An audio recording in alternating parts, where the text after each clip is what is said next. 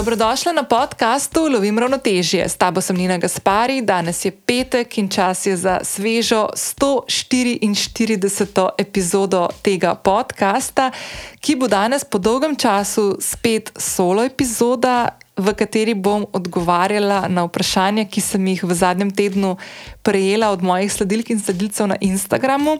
Vsakih nekaj mesecev namreč odpre možnost, uh, da dobim vprašanja, ki, so, ki se pletejo po mislih mojih sledilcev in sledilk. Uh, in tudi tokrat je bilo uh, največ poslanih vprašanj, vezanih na odnose, na partnersko vezo, na upravljanje s počutjem. Uh, potem je bilo tudi nekaj vprašanj, vezanih na podjetniška in službena področja, pa potem na ustvarjanje podcasta. Skratka, en tak lep preplet uh, stvari, s katerimi se verjetno vsak od nas ukvarja v življenju, ko išče neko svoje optimalno ravnotežje.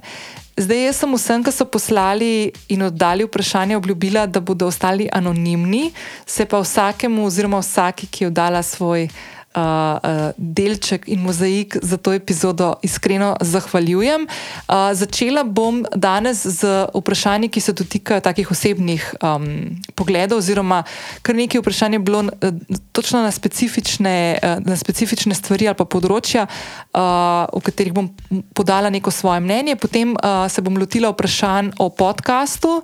Uh, nadaljevala s poslovno-podjetniškimi službenimi vprašanji, in čisto na koncu uh, se bom lotila vprašanj, ki se dotikajo partnerske veze, ljubezni in tako naprej. Vidim, da je bilo teh vprašanj v bistvu največ, verjetno tudi zato, ker sem uh, pred nedolgo nazaj malo več govorila o tem in tudi imela uh, go gosta mojega partnerja na, te, uh, na tem podkastu. Preden skočiva v današnjo epizodo, pa te vabim, da če še nisi prijavljena na podcast Lovim ravnotežje, to lahko storiš zdaj prek aplikacije, na kateri trenutno poslušaš to epizodo. Vedno sem vesela tudi ocen in mnen, ki mi jih lahko pustiš na podcast aplikaciji ali pa se mi oglasiš v zasebno sporočilo. Najraje vidim, da to storiš na Instagramu, kjer se ti lahko najhitreje odzovem tudi nazaj. Ali pa, če boš objavila, da poslušaš podcast, ne pozabim potegati, da bom to videla in se ti lahko zahvalila in podelila to tudi naprej. S prijavo dajo ocene in mnenja na aplikaciji, pri kateri poslušaš podcast, pomagaš, da zanj slišijo tudi te podobne ženske in moški, meni kot ustvarjalki pa s tem pomagaš, da konec koncev dobim tudi vedno, vedno bolj zanimive zanimive gostje in goste. In tudi tokrat te spode v opisu čaka povezava do zapisa epizode, ki je bil uh, pripravljen prav za to epizodo in v katerem te bodo čakale vse tiste povezave, ki jih bom danes omenila, ko bom odgovarjala na vprašanja. Zdaj pa skočimo med vprašanja in odgovore.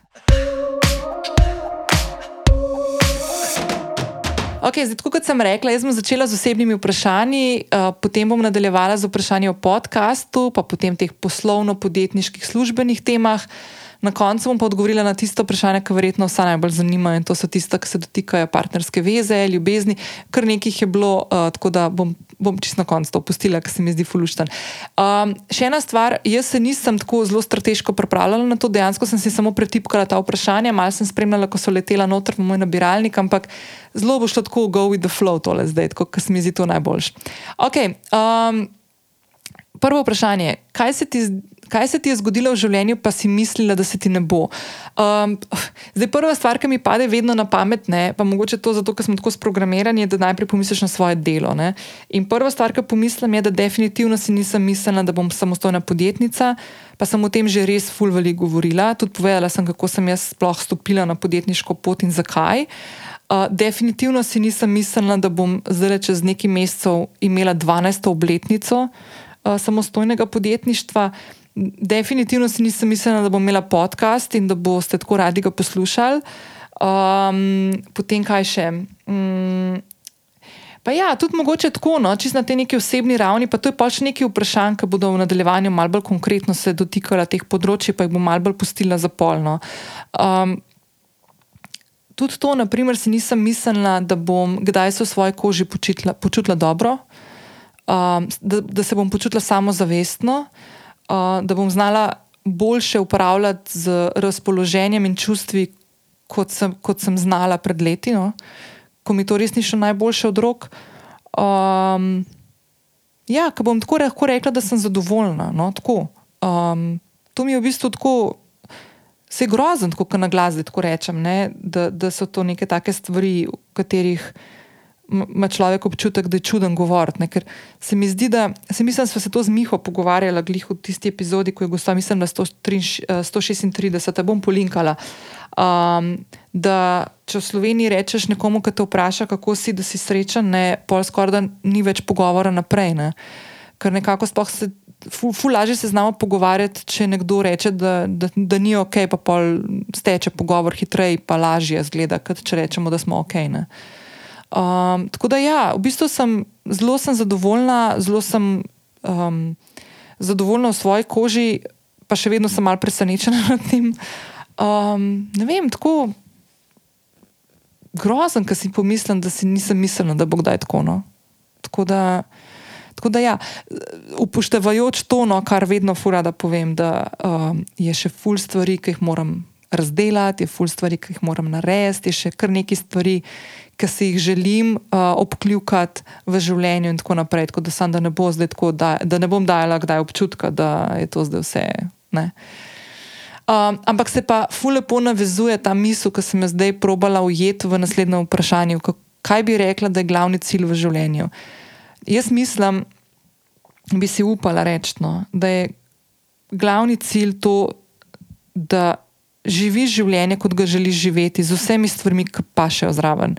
Od tega, da se dobro počutiš v svoji koži, v svojem življenju, da si zadovoljna s tem, kje se nahajaš v nekem trenutku, ker ta trenutek bo nas čez en teden ali pa čez en dan drugačen, verjetno, ali pa čez eno leto definitivno drugačen, ampak da znaš te stvari upravljati in da znaš se prilagajati temu um, da znaš tudi svoje, konc konc svoje življenje prilagajati nekim novim prioritetam, ki se postavijo, ali pa nekim novim realnostim, ki se postavijo, novim izzivom in tako naprej.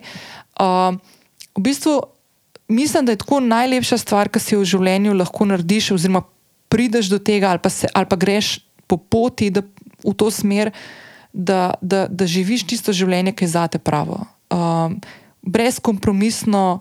Um, Pa včasih ni lahko, ne, ker smo obdani z enim kupom enih pravil, ki jih je treba seveda spoštovati, pa pričakovan, verjetno tudi iz okolice in tako naprej, uh, ki nam mogoče ne služijo. In včasih takrat pride do nekih teh trenj, ko se moramo odločiti, um, doskrat na nezavedni ravni, no, delamo te, te, te stvari, da, da, da peljemo potem svoje življenje v neko smer. In meni se zdi ful pomeno, da takrat, ko se neka stvar taka zgodi, ko pride do nekega kratke, v navednicah kratkega stika med tem, kaj se pričakuje, kje bi se lahko človek nahajati pri kakšni starosti, kaj bi lahko imeti že zrihtano v življenju, pa kaj ne, pa take stvari, ne? ali pa potem kakšno pričakovanje od staršev, od družine, od bližnjih in tako naprej, partnerja, partnerke. Um, pa potem, ko je ta neka diskrepanca med tem, kaj si pa mi resnično želimo, da znamo te stvari pol pohendlati. No? Se mi zdi, da to je taka. Um, Ker kar pomembna stvar. In, in, in spet ena taka stvar, ki nas noben nauči, no, kako, kako to s tem upravljati. Um, ful lepo vprašanje, ki vem, kdo mi je poslal, pa se bom najprej ful zahvalila tej osebi, ki mi je to poslala. Uh, kako si, uh, super sem, super. Um, pa naslednje vprašanje od iste osebe, če sem se kdaj srečala s tesnobo. Sem. Um, jaz mislim, da sem bolj, če, bolj, bolj, bolj to, da rečem, da sem se srečala s tesnobo, sem se v bistvu ukvarjala predvsej z nekimi um, daljšimi obdobji uh, tega občutka tesnobe.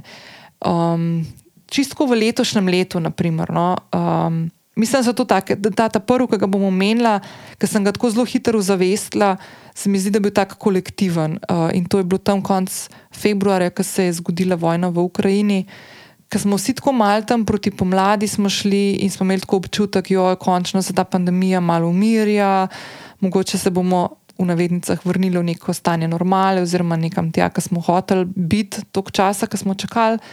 Pa se pa zgodi ena taka stvar, meni je takrat to tako res vrgel malo stera. No. Uh, ful sem se ustrašila, uh, kaj bo to pomenilo za, za me, kaj bo pomenilo za moje prihajajoče mesece in ustvarjanje in tako naprej.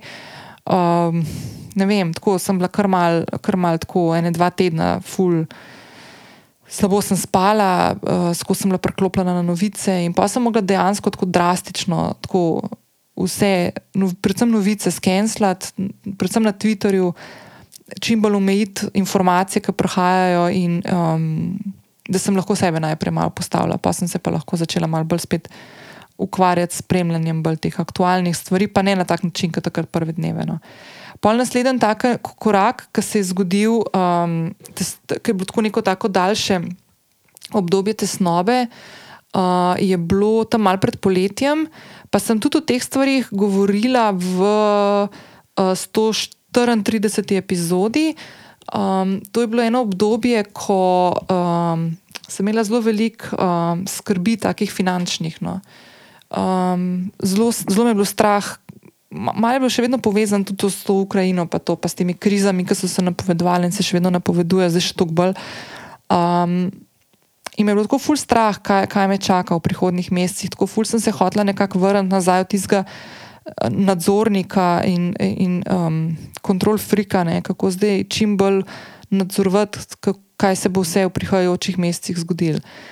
In, in v bistvu je, sem bila ful vesela, da sem takrat te stvari delila. No? Um, ker se je takrat, naprimer, konkretno javila uh, Kaja Šulinc, ki je zdaj moja uh, svetovalka, osebna svetovalka za upravljanje osebnih financ, ki sem jo tudi gostila v 100. 39. epizodi, bom tudi to polinkala.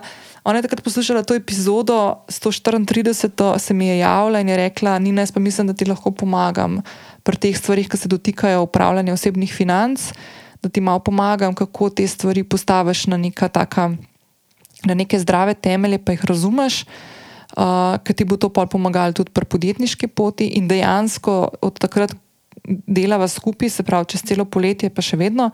In mi je ful, ful lažje zdaj, ker se stvari bistveno bolj odvijajo, kot so se takrat, ne pred poletjem. Uh, ko mogoče že malo, pa smo še vedno napeti, pa ne vemo, kaj čaka, nas čaka in tako naprej. Mogoče malo mi tukaj v Sloveniji smo v nekem mehurčku, ker ne, vemo čisto dobro, kaj se dogaja, kaj se bo zgodilo, ker v tujini je že kar bolj drastična zadeva. Ne vem, no, tako imam nekako občutek optimizma, kar mi je v bistvu zelo tuje. Um, to mogoče tudi sodi v eno prvo vprašanje če se ti je kdaj v življenju kaj zgodilo, pa si mislila, da se ti ne bo. Naprimer, tudi to, jaz sem vedno tako zelo negativistično usmerjena in to, da, da zdaj rečem, da sem optimist, ne vem, je tako mal, še vedno malo tuje, sama se nasmehnem, ko to rečem. No. Tako, da, um, tako da, ja. Um, Ne vem, tako um, te, te, občutki tesnobe, jaz jih predvsem tiste najbolj si vedno zapomnim, ki ostanejo dalj časa z mano. Um, nisem, ne, ne spomnim se, um, tudi ko se pogovarjam doskrat s kakšnimi sogovornicami, pa sogovorniki pa mi omenijo, naprimer, panične napade. Jaz se ne spomnim, da bi to imela, naprimer. Te snove pa kar, sem pa kar imela. No. Um, pa običajno, običajno pri teh tesnobah je tako, zdaj, zdaj ne, ker sem že to jih nekaj dala čez. Um, se mi zdi najbolj pomembno, da se probaš v nekem čim bližnjem trenutku, ko se soočaš s temi občutki, zavedati, zakaj gre. Ne? Da ozavestiš, kaj je tisto, kar te v navednicah mori, ali pa stiska, ali pa kaj, se, kaj je tisto, kar te dogaja, da znaš ubesediti. Meni se zdi to že tako že, že ogromno delo narejeno. Ne? Pol pa najdete neke urodja, ki ti pomagajo, da, um, da se umiriš. In meni vedno, vedno znova se vračam k enemu urodju in to je, da zapišem svoje misli na list papirja, ne, k dnevniku. Um, Ker moram priznati, da ga zdaj že kar nekaj časa nisem imela v roki, pa, pa to se mi ne zdi ok, um, ampak sem pač tudi jaz malo krvava pod kožo, pa imam občutek, da gre vse tako v redu, pol, ker imam občutek, da ni treba nič napisati, ne, kar tudi ni v redu, ne, ampak ja, no tako. Uh, naslednje vprašanje bi lahko rekla, da sodi med tisto vprašanje, ki jih jaz običajno vedno rečem, ne tega sprašovati, ker so ful intimna vprašanja, ampak glede na to, da sem jaz o teh stvarih že kar nekaj govorila in tudi vedno rekla, da ni panike, če me to vprašate, mene osebno, bom na to z veseljem odgovorila. In to je uh, vprašanje, če je splet okoliščin, da nimam otrok ali si jih nikoli nisem želela. In sem ful vesela, da lahko odgovorim na to vprašanje, ker se mi zdi ful pomembno, da se tudi v družbi pogovarjamo o tem, da obstajamo ženske in moški, ki ne sodimo v predal, želim si otroka, ali pa v predal, ne želim si otroka. Um, jaz lahko rečem za sebe, da nikoli nisem zelo aktivno razmišljala o teh stvarih. Um, nikoli nisem zelo aktivno imela neke posebej izrazite želje za otroka ali posebej izrazite želje, da otrok ne bi imela. Se je pa moje življenje enostavno razpletlo in odvijalo v smer, da ga nimam. Uh, jaz načeloma v zadnjih letih, sploh odkar vam ne čaka, imam občutek, da imam ful rada otroke in sploh ni to išil pri tem. Ampak jaz sem z življenjem, ki ga imam ful zadovoljna. Lahko rečem, da ko sem bila mehna, ker se spomnim, ko sem bila še mlada punčka, je valjda, ne, smo se poigrali, pa delali, pa igrali, da smo mamice tam svojim punčkam, pa tako naprej, in se jim zdelo to nekaj čist normalnega. In še zdaj, ko pogledam nazaj, imam ful lepe spomine na te stvari normalno. Ne. Ampak tako enostavno, enostavno ni, nisem imela neke bistvene potrebe ali pa želje. Ali pa tudi mogoče nikoli se nisem znašla v situaciji, ko bi, naprimer, mogla tako odločitev sprejeti. Tudi to je, po mojem, zelo pomembna stvar. In enkrat je meni, to sem že nekajkrat omenila, mi je ena kolegica Barbara rekla, da če bi si ful želela otroka, bi ga imela. Ne? Kar zelo verjamem, da je res. Ne? Ker so določene stvari, tudi take pomembne odločitve življenjske, ali imaš otroka ali ne, uh, lahko tudi se zgodijo na zelo nezavedni ravni, pol na koncu odločitve. No? Tako, da, tako, da, ja, tako da meni se zdi ful pomembno, da se v družbi pogovarjamo tudi o teh stvareh, no? da niso samo. Um, Da niso vedno te um, binarne stvari, ne? eno ali drugo, ja ali pa ne. Zelo velikokrat je tudi en kupenih drugih uh, razlogov. No? Tako da, tako da ja. Um, naslednje vprašanje je, kje so tvoji največji izzivi ta trenutek in največje radosti? okay, uh, največji izzivi v tem trenutku so.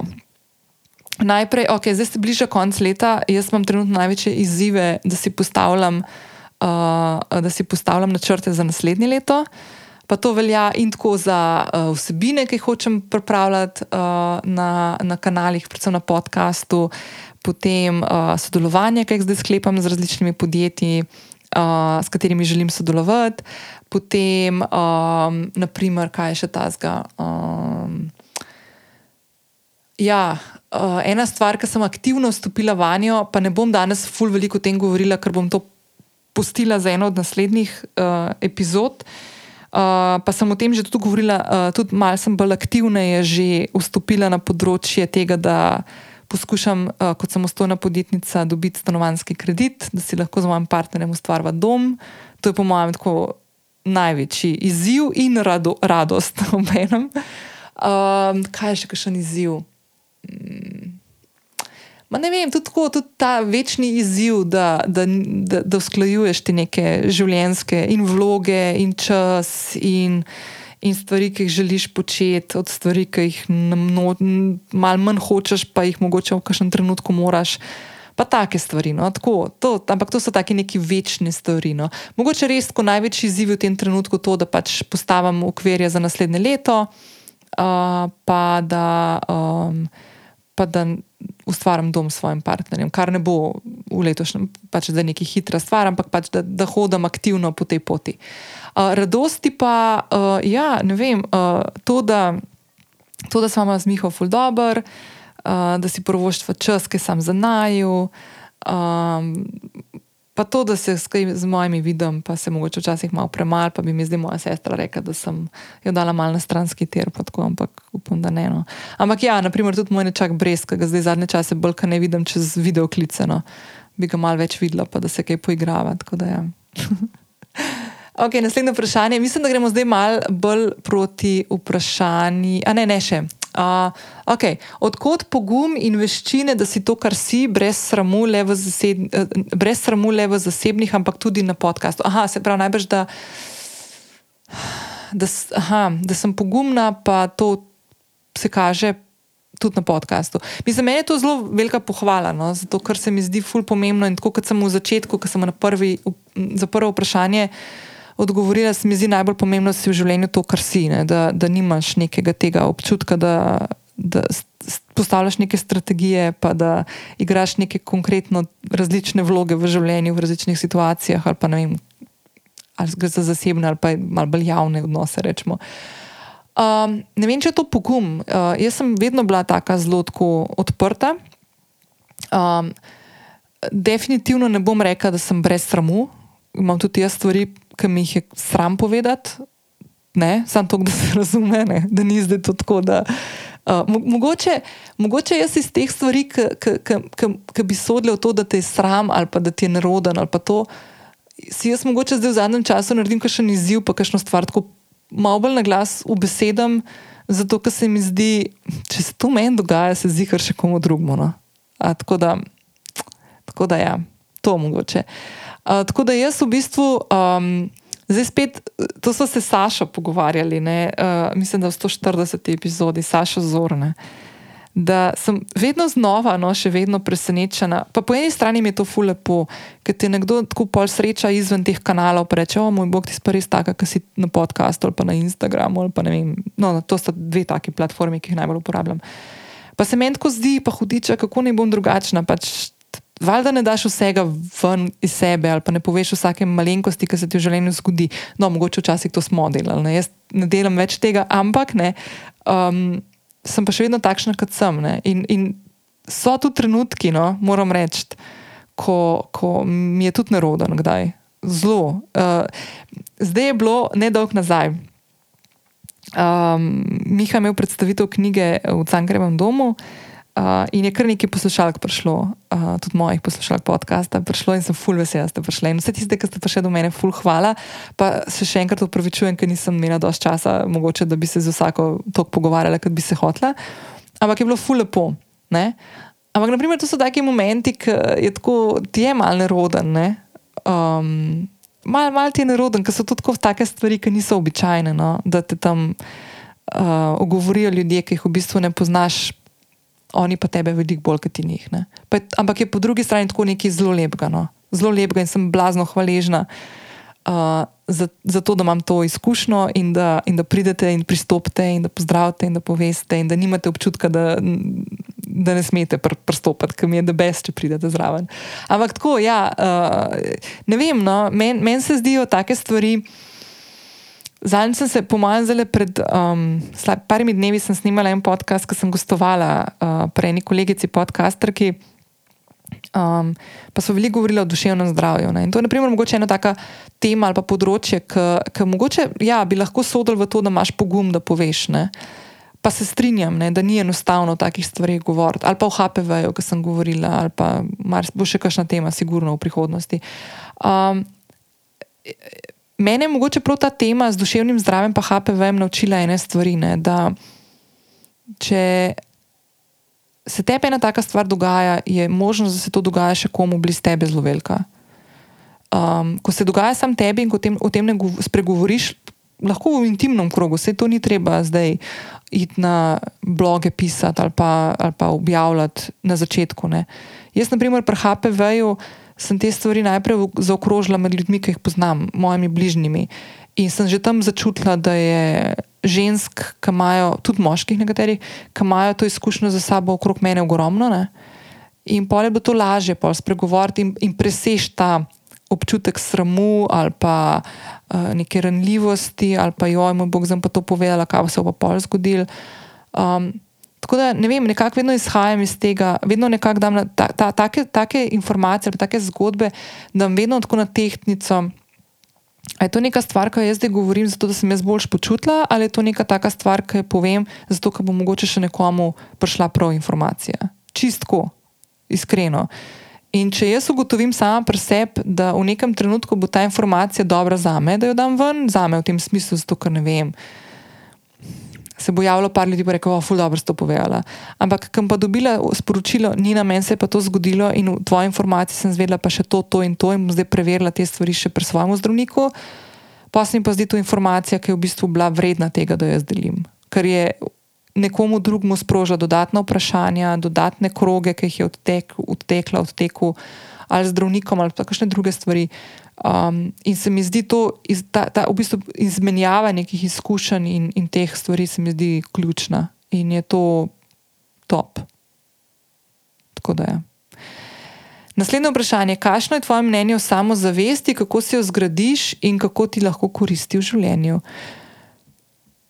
Ful pomembno, ful pomembno, pa ful težko je graditi. Mislim, težko, zdaj iz moje pozicije. Jaz sem bila, hmm, mogoče lahko na vzven, še ne dolg nazaj, leta nazaj, da bi lahko delovala kot zelo samozavestna, ampak v sebi noter ful nisem bila. Tako da, um, pa zelo sem jo zakrivala za humorjem. Um, tako da jaz ne vem, kako jo gradiš. Jaz mislim, da.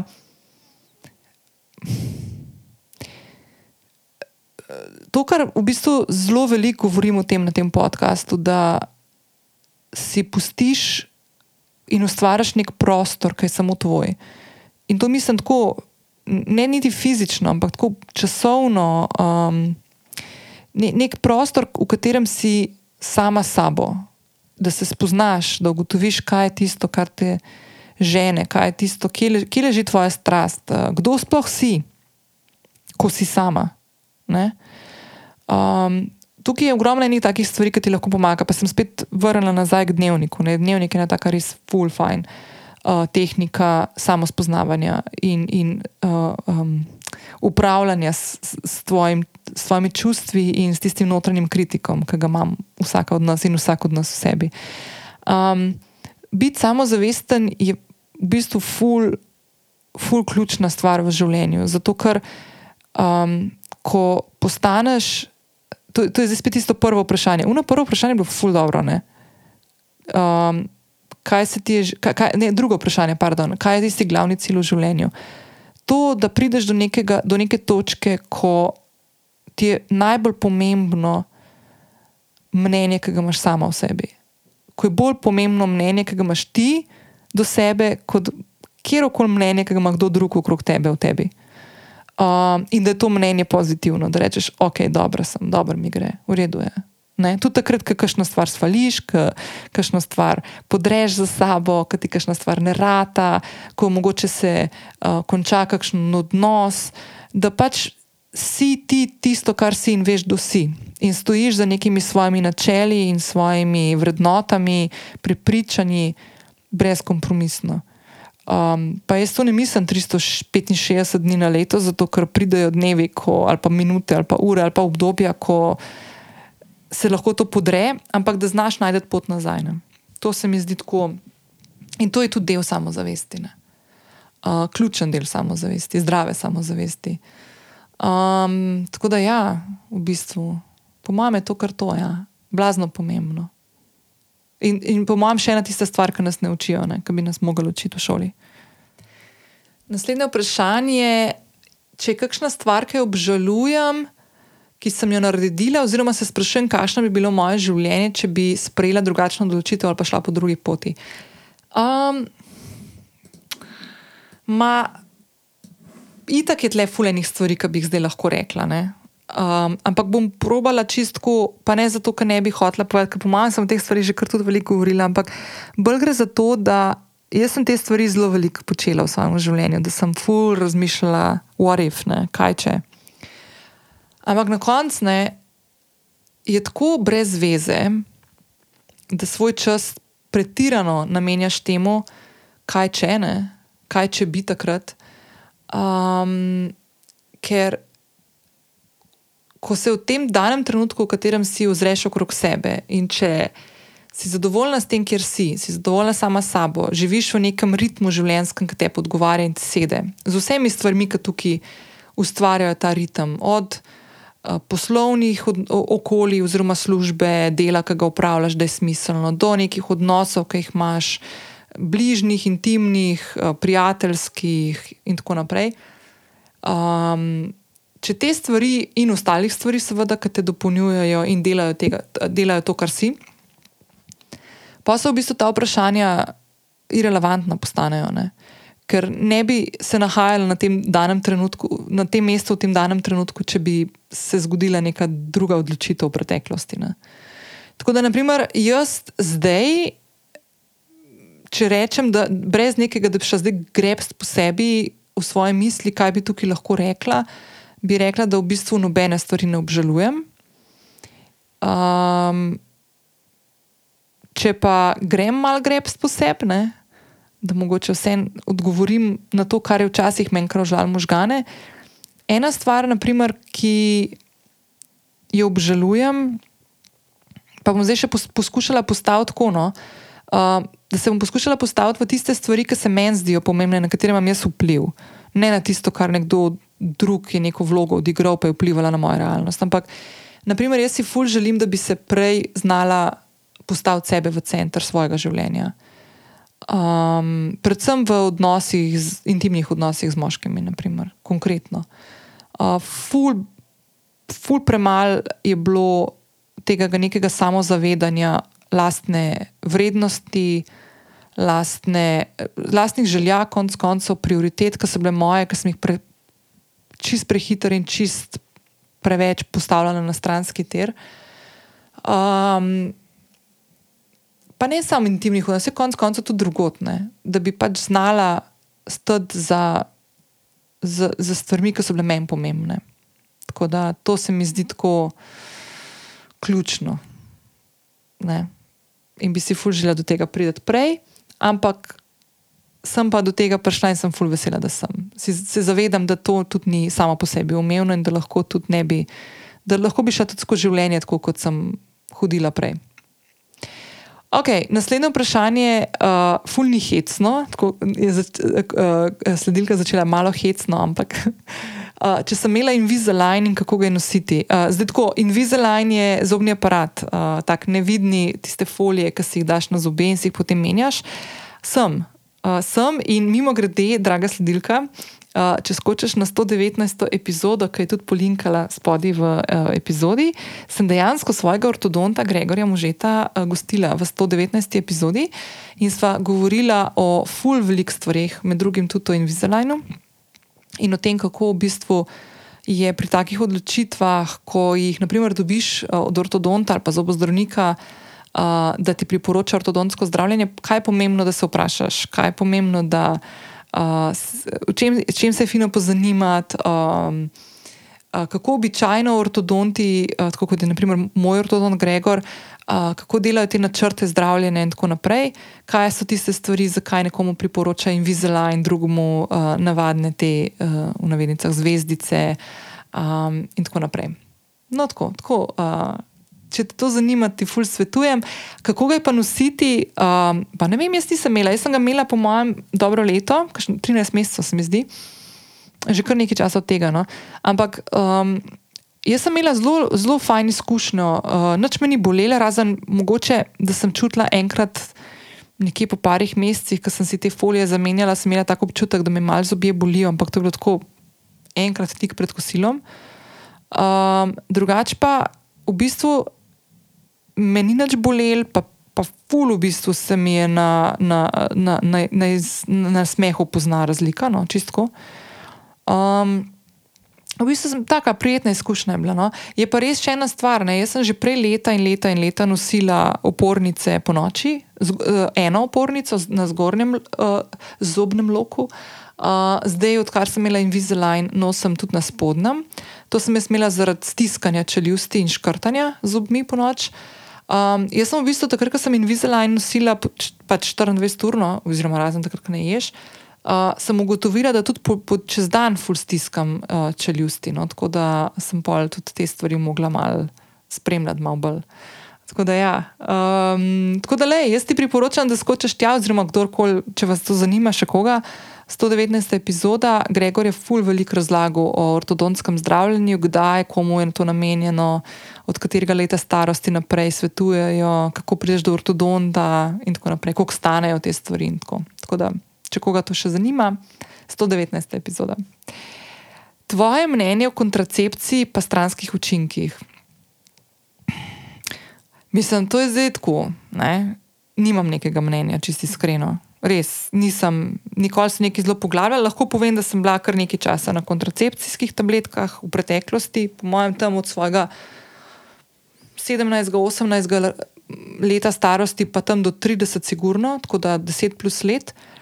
Stranskih učinkov jaz ne pomnim, da bi nekaj opazila, lahko pa tudi, da nisem opazila, ker se nisem tako sama sabo uh, spremljala, nisem se spremljala, če rečem, ukvarjala bo to malo grdo, ampak to je bilo tisto obdobje v mojem življenju, ko v bistvu so bile vse druge stvari ful bolj pomembne, kot to, kako se jaz počutam. Uh, kar je po mojem kar malo normalno z fazo odraščanja, ampak tako da nimam nekega tazga mnenja. No. Bom pa tle rekla eno drugo stvar, da se mi zdi. Hm, To, kar enih stvari zdaj se odvija, ne, dočasih jaz, ko gledam, kakšne ta, ta družabna omrežja, pa to pa se uh, podaja ful informacije uh, zelo na horukno. Jaz poskušam biti tukaj res malo bolj odgovorna uh, in takrat, ko nimam nekega, neke informacije ali pa nekega zelo svojega osebnega, um, neke osebne zgodbe ali pa izkušnje, raje se niti ne podajam v neke te neka pletanja zgodb. Ne. Um, bom, ena stvar, ki se mi pa zdi pomembna pri teh stvarih, je pa to, no, da jaz zdravstvu zaupam, uh, z vsemi težavami, ki jih sicer ima, ampak načeloma zaupam v zdravnike, v njihovo strokovnost, v to, da ko svetujejo, svetujejo iz svojega polja strokovnosti in tega, da želijo svojemu pacijentu ali pa pacijentki najboljš.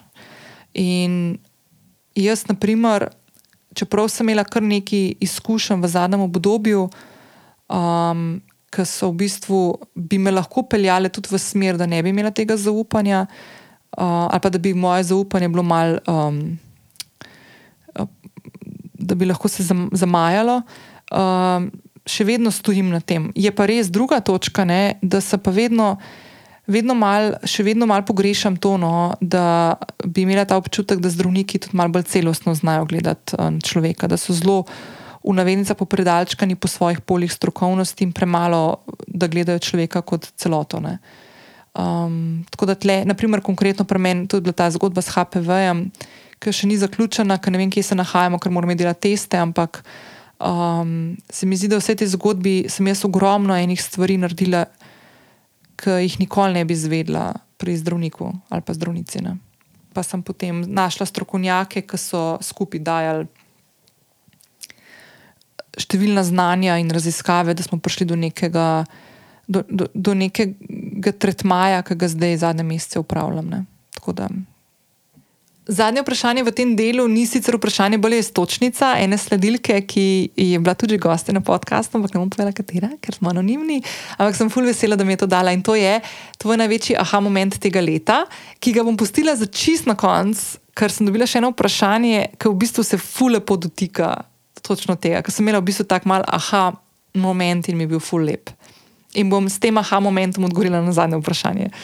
Uh, tako da zdaj gremo na naslednjo rubriko in to je tako malo bolj službene, podjetniške, pa, pa še malo o podcastih. Uh, ena stvar, prva točka, kako zbiraš naročnike.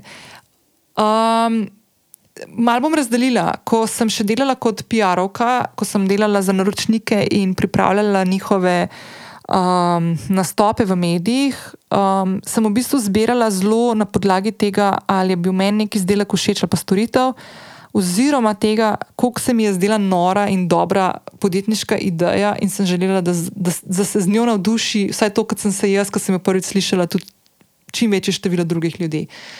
Um, tako da definitivno uh, je šlo. Večinoma za tak način. Zdaj, jaz bom priznala, da kot samostojna podjetnica, pa sploh v tistih prvih letih samostojnega podjetništva, ko sem še nekako lovila to neko svoje ravnotežje med delom in med dojemanjem sebe kot podjetnice in tem, da ne dobiš konc meseca kar plačano, ne glede na to, kaj se je zgodilo pretekli mesec. Ne. Sem tudi marsikajšno stvar sprejela, pa zdaj, ko za nazaj pogledam, ne, to bi zdaj lahko sodlo v tisto vprašanje, ki sem rekla, da če kaj obžalujem. Ne, ne obžalujem nobene stvari, sicer, ampak so pa določeni projekti, ki sem jih sprejela pa nisem gledala na to, da, bilo, da sem bila jaz navdušena nad zgodbo ali pa da me je neki izdelek ali pa storitev tako navdušil. Ampak sem jih dejansko sprejela zato, ker se mi je zdelo noro, da je ne bi, ker pač ne, je treba delo sprejeti, če se ti ponudi v navednicah. Ne. Tako da uh, zdaj, ko pa sodelujem na ravni tega, da sodelujem s podjetji, ki, s katerimi pripravljamo vsebine za občinstvo, za vas, naprimer, ne, uh, tukaj pa primarno gledam dve, spet dve stvari. Ena stvar je ta, da, imam, da sem jaz v nekem obdobju, ko to raziskujem, pa je meni to neka taka stvar, da v bistvu iščem tudi jaz odgovore na svoje vprašanja. Oziroma, druga stvar, da dobim neke sogovornike ali pa neko dodatno sebino za zgodbe, ki vem, da bodo vas zanimale. Ne? In zdaj en tak primer tega je, naprimer, NLB. Ne? Jaz sem z NLB začela sodelovati uh, tam pomladi 2020, uh, ko so mi predstavili projekt Okvir pomoči, s katerim še, še danes delamo in se je ravno kar prva faza letošnjega Okvira pomoči zaključila in gremo v drugo. Uh, in to je bil projekt, ki je res tako združil dve moji strasti. Eno to do slovenskega medijskega prostora in podpiranja slovenskih medijev, s katerimi delam že več kot 20 let in jih res dobro poznam. Uh, in podpiranje slovenskih podjetniških zgodb. Sploh takrat, pomladi 2020, sem jaz full veliko energije namenjala temu, da sem svoje kanale usmerjala v to, da so se lahko prek njih predstavljali tudi podjetnice in podjetniki, ki imajo take zanimive zgodbe, izdelke, znamke, storitve in tako naprej. In takrat smo se z NLB-jem spoznali, smo začeli full fine sodelovati. In naprimer v letošnjem letu nekaj stvari smo že naredili skupaj, naprimer to, da sem jaz šla raziskovati svoje, svoj odnos do denarja. Um, bom zdaj tudi v prihodnjih tednih imela še nekaj takih vsebin, ki so meni fulj zanimive in skozi katere bom v bistvu skozi, uh, skozi pogovore z njihovimi strokovnjaki postavljala vprašanja in dobivala na njih odgovore, ki jih v bistvu tudi sama res iščem. No. Uh, tako da se ful veselim in mi je tako ena tako ful, ful lepa, le, eno tako lepo sodelovanje. Uh, v bistvu iz tega sodelovanja je pol skalil tako en kup enih stvari. Ne. Danes sem že omenila tudi Kajo Šulinc, ne moja zdaj osebno svetovalko za finance. Uh, upravljanje osebnih financ. In jaz, jaz nisem mislila, naprimer, da bom letošnje leto toliko časa in energije posvetila prav financam, denarju in takih stvari, o katerih običajno ljudje ne maramo nekaj preveč razmišljati. No. Tako, da, um, tako, da, ja, tako da v bistvu zbiram naročnike na tak način. Je, moram se jaz navdušiti malo nad temi stvarmi. No. Če, jaz, če grem jaz v neko sodelovanje. Mal, ne, ne, ne bom rekel s figo v žepu, ampak tako malo na horuk, pol tudi ne bo tako spadal, kot sem si nekako zastavila, pa zaželela. Ne. Predvsem je pa ena stvar ful bistvena. Ne. Da če sem včasih, naprimer, gledala nekaj sodelovanja, kaj lahko jaz doprinesem, ne, je zdaj isto. Ne? Medijem, naprimer, da bo mediji dobili zanimive sogovornike in tako, in konec koncev moj naročnik, naročnica, čim večjo medijsko izpostavljenost, ne? je v bistvu zdaj bolj to, a bo moje občinstvo, to ste vi, dragi moji, ki zdaj to poslušate, a vas bo to zanimalo, bo to neka taka stvar, ki bo tako res fulvan sekala in zgledala tako, kamonina, ne kva pa to. More biti tako nekako v, v, v, v nekem konceptu uh, vsebin in, in kanala, kot je naprimer podcast, ki ga hočem jaz pelati in kam ga hočem pelati. Zato je to neka taka stvar, ki jo delam dolgoročno in enostavno mi je ful pomembno, da tukaj v bistvu občinstvo v navednicah zaščitim, pa da dobite res tiste stvari, ki bi vas utegnile zanimati. Kako postavljaš ceno, je bilo naslednje vprašanje od iste sledilke. Um, ful težko odgovorim na to vprašanje, ampak bom povedala eno stvar. Uh, Ena stvar, ki se mi zdi blazno pomembna za vsakega, ki ima neko svoje podjetje, um, pa ne bodo to storitve, predvsem tukaj za storitve, mislim, za, za izdelke je mogoče to mečkan drugače. Ampak um, ful je pomembno, da imaš nek svoj cenik, ki ga imaš za vse naročnike, pa za vse projekte, da, iz katerega potem izhajaš. In, naprimer, jaz konkretno.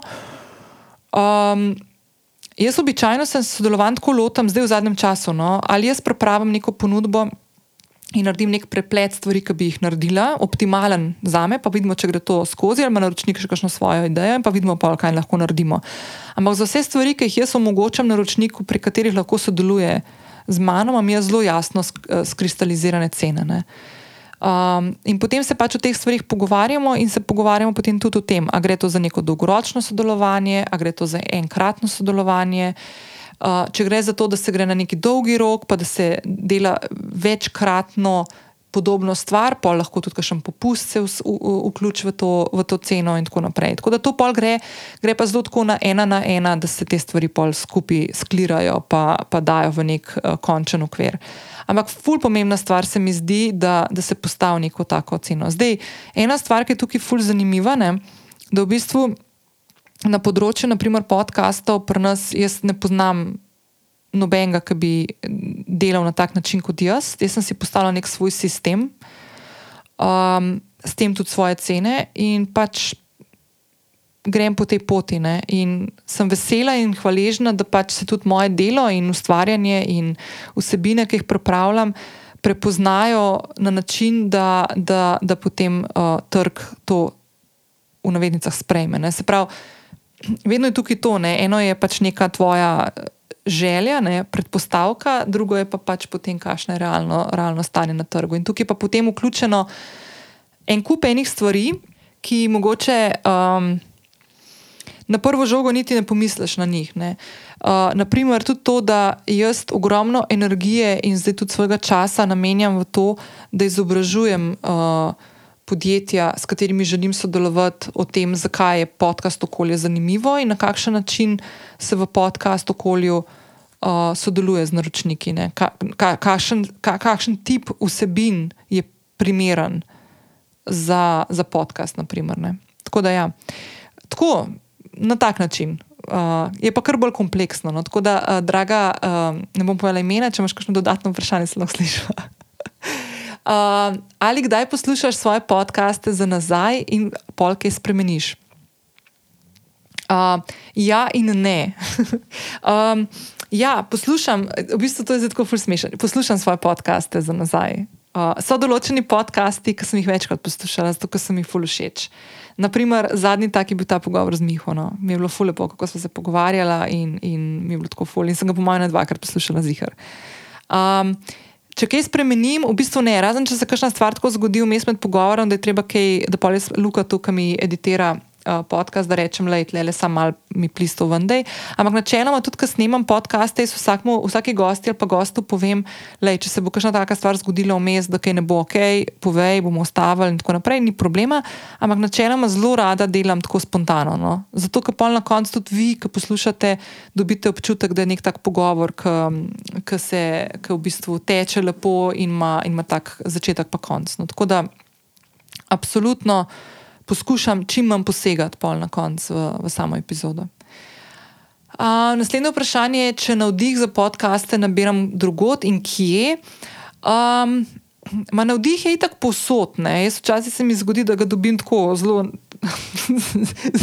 zdaj me je eno smešno povedala, ker sem čist preveč iskrena danes, pa čist preveč delim. Ampak zadnjič sem bila tam na, na enem sprejemu in sem čakala na VC, ena gospa je bila pred mano na VC, in jaz sem čakala zunaj in sem dobila eno idejo, ki jo hočemo v naslednjem letu speljati. In v bistvu že ful delam na tem. Tako da včasih tudi tako dobiš, kaj še navdih.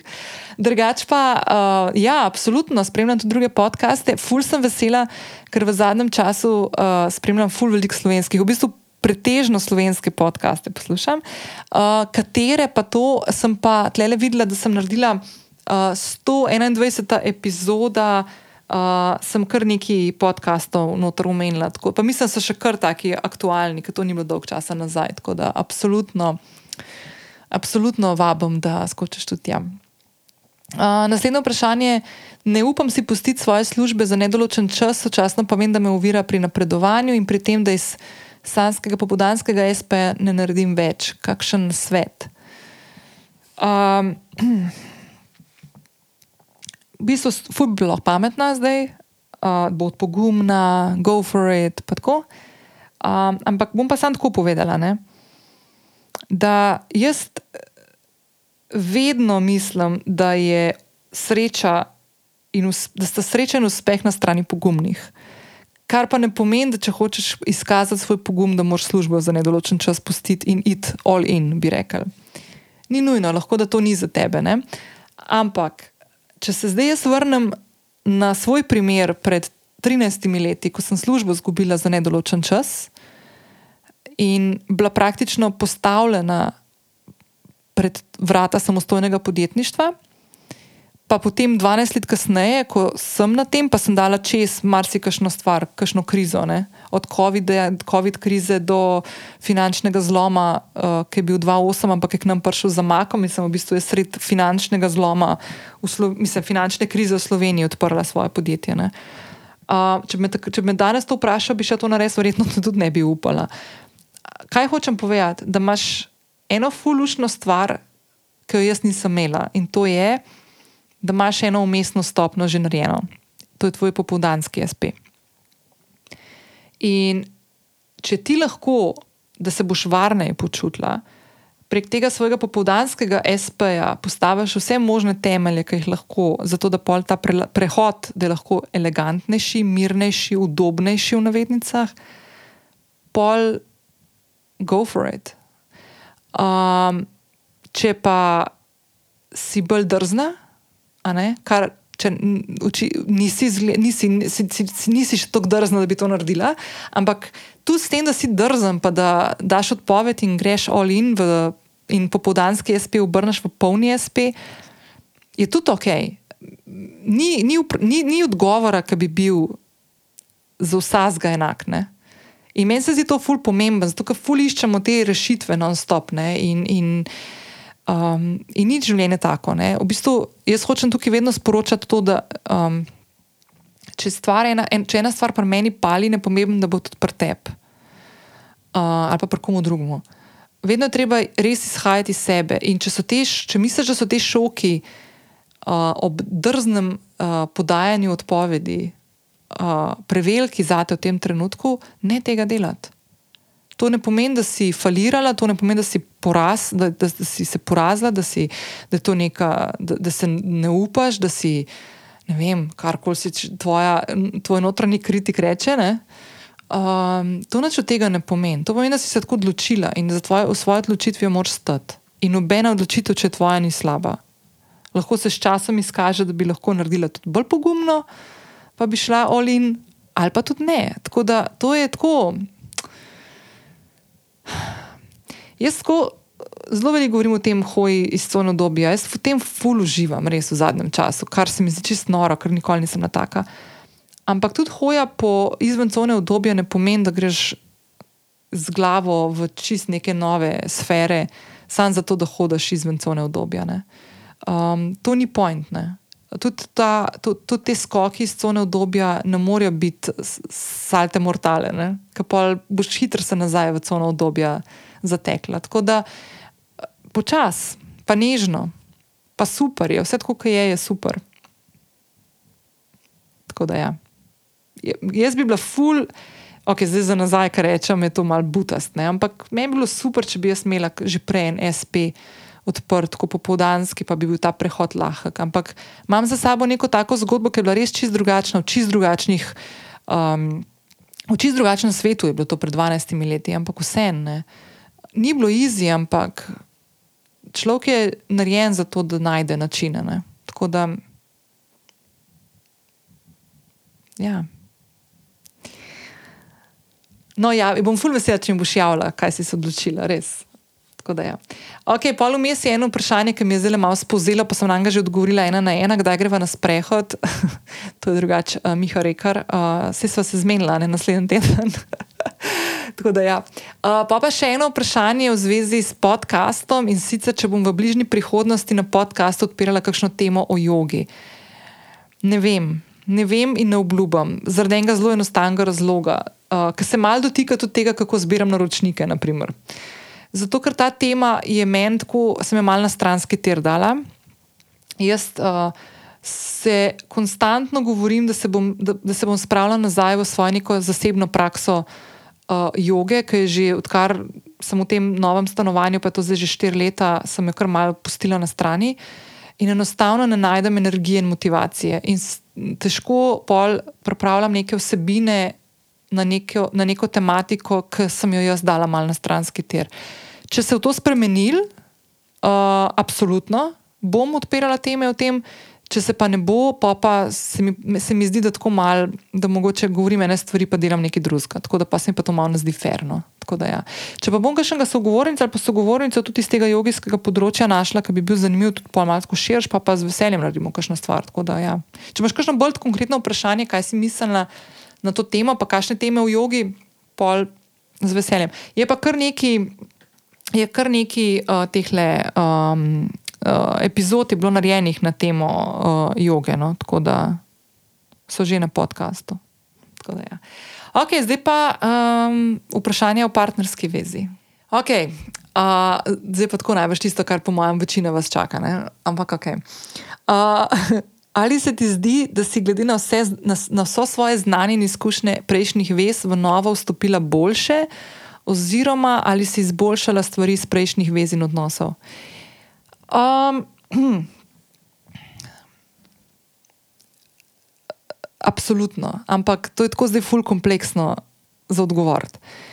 Pa bom zdaj ful brutalno iskrena jaz, v bistvu, jaz v življenju nisem bila v zelo velikih vezah. V eni sem se malo zataknila in jih nisem spustila. Pa sem bila v bistvu dolg časa, leta. To so leta. To bi mogoče sodel v tisto vprašanje, če kakšno stvar obžalujem v življenju. Um, jaz sem bila leta v eni vezi, ker sem bila samo jaz v tisti vezi, ker je tisti človek, s katerim sem bila v vezi, ko sem bila aktivno v vezi, je šel že naprej v življenju, pa se je pa vsake tok malo vrnil. Ne? Tako da, to, kar sem pa tudi prej omenila, ne, da se nisem postavila, da nisem v bistvu, nisem v bistvu živela niti svojega življenja, bila sem v nekih zgodbah, ki sem si jih sama pletla v glavi. No.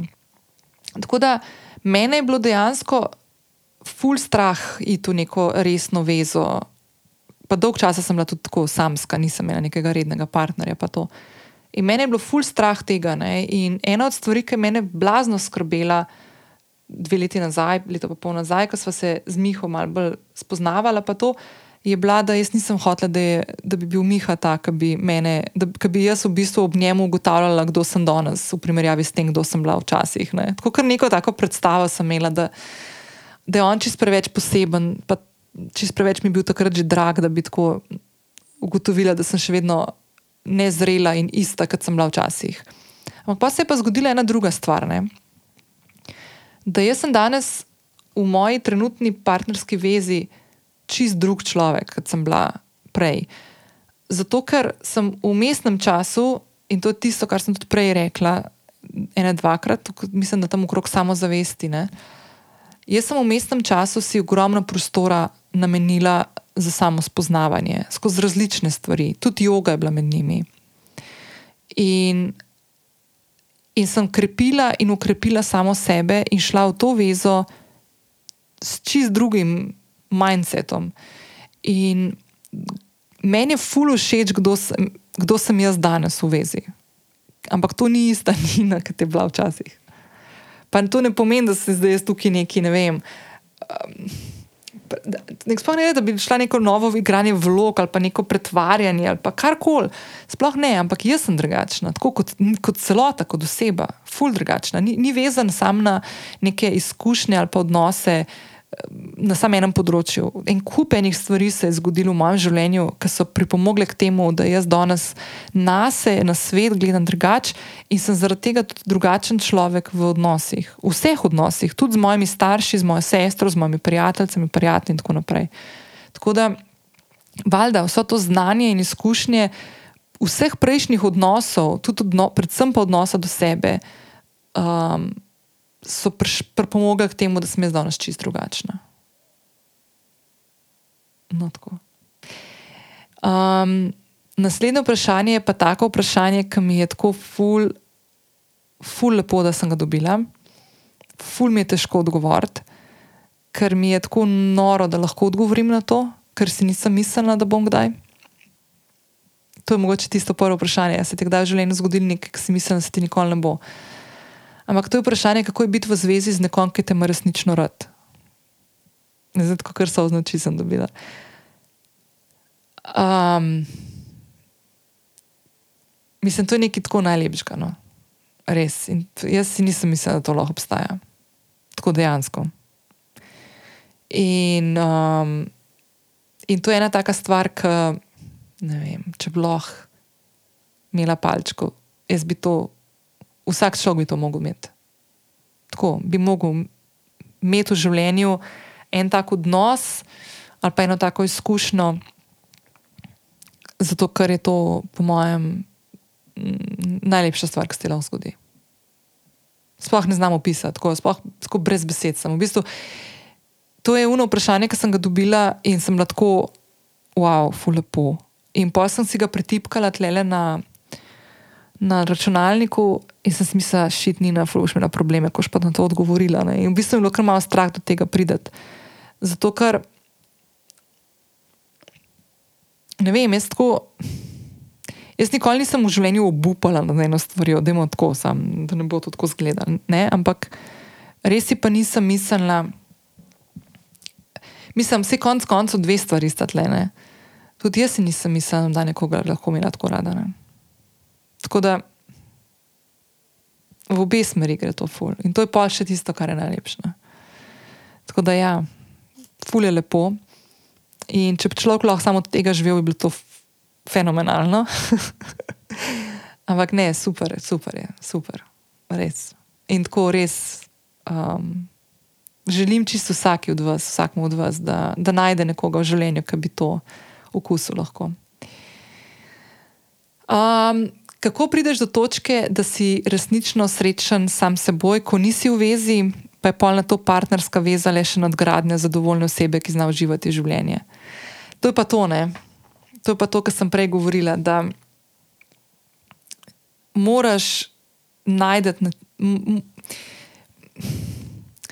Jaz sem si vzela res čas za to, da sem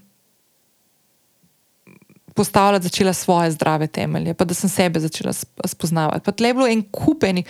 Ta zgodba, jaz ne vem, kdaj se je začela. Verjetno že na začetku mojega življenja, ne, ne vem, ampak to je zdaj tako malo filozofsko. Ampak če zdaj tako mogoče poenostavim. Ne?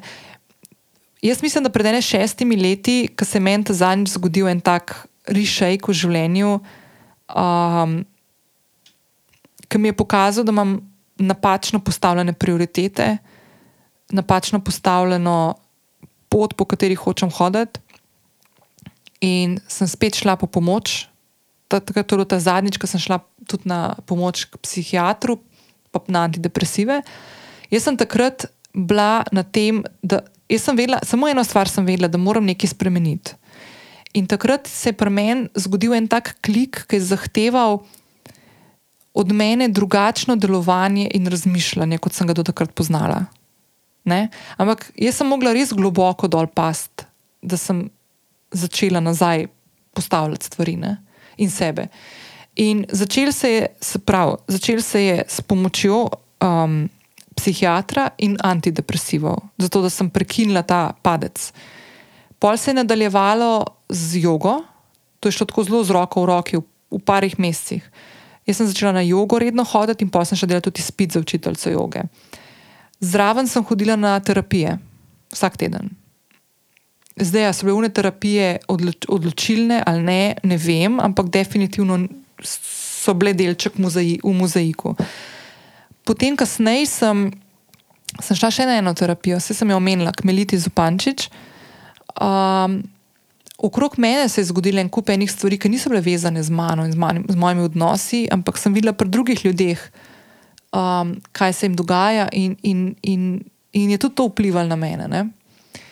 Um, tako da, predvsem sem si ne strateško zavedajoč se, kako bo to izgledalo in koliko bo menga časa uložila v to, ampak res sem se začela ukvarjati sama s sabo. Zakaj se mi določeni vzorci ponavljajo, zakaj se mi dogajajo določene zgodbe, ki so eh, repetition, se pravi, skozi neko ponavljanje enih in istih stvari. Zakaj, zakaj podobni ljudje prihajajo v moje življenje, če je več kot očitno tega nočem in zakaj tega jaz ne prepoznam, preden se zapletem. Naprimer, um, tako, no, en kup enih stvari se je moglo zgoditi. In jaz, kaj sem naredila na svoji strani, je, da sem bila odprta za, za to, da si pustim čas, za to, da uh, poiščem različne, različne načine, uh, da, različne terapije, uh, različne sogovornike, da odkrivam te nijanse. Uh, in meni je bil čas, ko sem bila sama, samska, uh, mi je bil super, ker sem sebe začela spoznavati, uživati sem začela v tem, kaj odkrivam, uživati sem začela v tem, ker sem opažala razlike in spremembe. In je to tako mal, mal ratal, um, malo odvisno, no? malo rataš odvisen od tega, kar se imaš fajn. Je pa res ena stvar in to moram biti fully iskrena, da jaz sem takrat vedno govorila, meni je super, da sem samska, super mi je bilo. Ampak jaz sem si vedno želela nekoga imeti, in bi bilo ful, bi si legala. Tudi takrat sem rekla, meni bi bilo super, če bi nekoga zdaj spoznala, ampak tistega človeka, ki ga jaz poznam in ki ga bom uh, spustila v svoje življenje, mora moje super življenje narediti še toliko bolj super. In to je pa tista pika na i, pa češnica na torti, ki se ti pol zgodi. In to je tisto, kar je bilo ono vprašanje, kako je biti z nekom, ki te ima resnično rad, pa ti njega. Uno, ki se najdeta dve osebi v pravem trenutku, v pravem času, na pravem mestu, s pravimi, z, z kompatibilnimi pričakovanji, um, je to tako, full fine. Ne? Ampak jaz danes ne bi bila v tej vezi, verjetno, če ne bi full stvari prej naredila. In nikoli ni, nikoli ni napačen čas ali pa prepozen, da se to greš, pa da greš raziskovati sebe. Karkoli, kamorkoli te odnese, zdaj je kup enih stvari. Ne. Jaz poznam ljudi, ki delajo, ne vem, hodijo na evaske, pa na gobice, pa meditacije, pa uno, pa karkoli ti špila. Sploh ne gre za to, da je zdaj tukaj neki, neka, nek scenarij, ki ga moraš upoštevati. Najdi nekaj, ampak tudi to raziskovanje, kaj je tisto, kar tebe krepi. By the way, ena od stvari, ki je definitivno bila meni ful, ful, ful pomembna na tej poti. Pa je zdaj to lahko ful banalno, ampak pomaga se zdaj to spomnila, ker sem se takrat z Miho pogovarjala to, uh, v 136. epizodi, meni se zdi. Ker je tudi on ful probavo teh alternativnih stvari, zato da jih napisal tudi v knjigo osebno. Ne. Ampak tako, naprimer, to, kar sem šla v ledeno vodo, ne, tako pf, nikoli ne bi šla. Ne? Ampak ta občutek, ki ga je Miha Paul opisal, ki še on hoje po žrjavci, enak občutek je, tudi ledena voda. Kada še enkrat tako izkušnjo čez, nekaj tazga, kar tvoje telo, tvoja glava tebi govori, da si ti nora, v let greš, ali pa po žrjavci, po ognju greš hoditi. Uh, in ti to narediš, ne? To je tako opolnomočenje. Jaz sem, po mojem, takrat dobila največji pečat uh, samozavesti. Tako skupaj, ki se mi je tako, z, z, vse so se mi sestavljale stvari. In ko danes kakšna stvar, ki mi kakšna stvar ne gre, jaz se tokrat spomnim, da če šla takrat v ne štiri štir stopinje za pet minut ležati, pa boš pa tudi to naredila. No. Res, to, to je tako fulnoro. Tle je tudi ta malce samozavest, ki sem prej pozabila omeniti. No. Pa jaz ne rečem, pa je zdaj vsi v ledeno vodo ali po žrljavci hoditi. Lahko je kakšna druga stvar, lahko je ne vem, skok s padalom ali pa ajuaska ali pa ne, ali pa kaj ni povezan s kakšnimi drogami, bajdo, da tu spada, da podpiram droge. Ampak tako, pač ne vem, ali pa ne vem, tri mesece brez kapljice alkohola ali pa ne vem, pač karkoli, ta zga, kar ti sedi, pa se zdi, da bi bilo fajn raziskovati.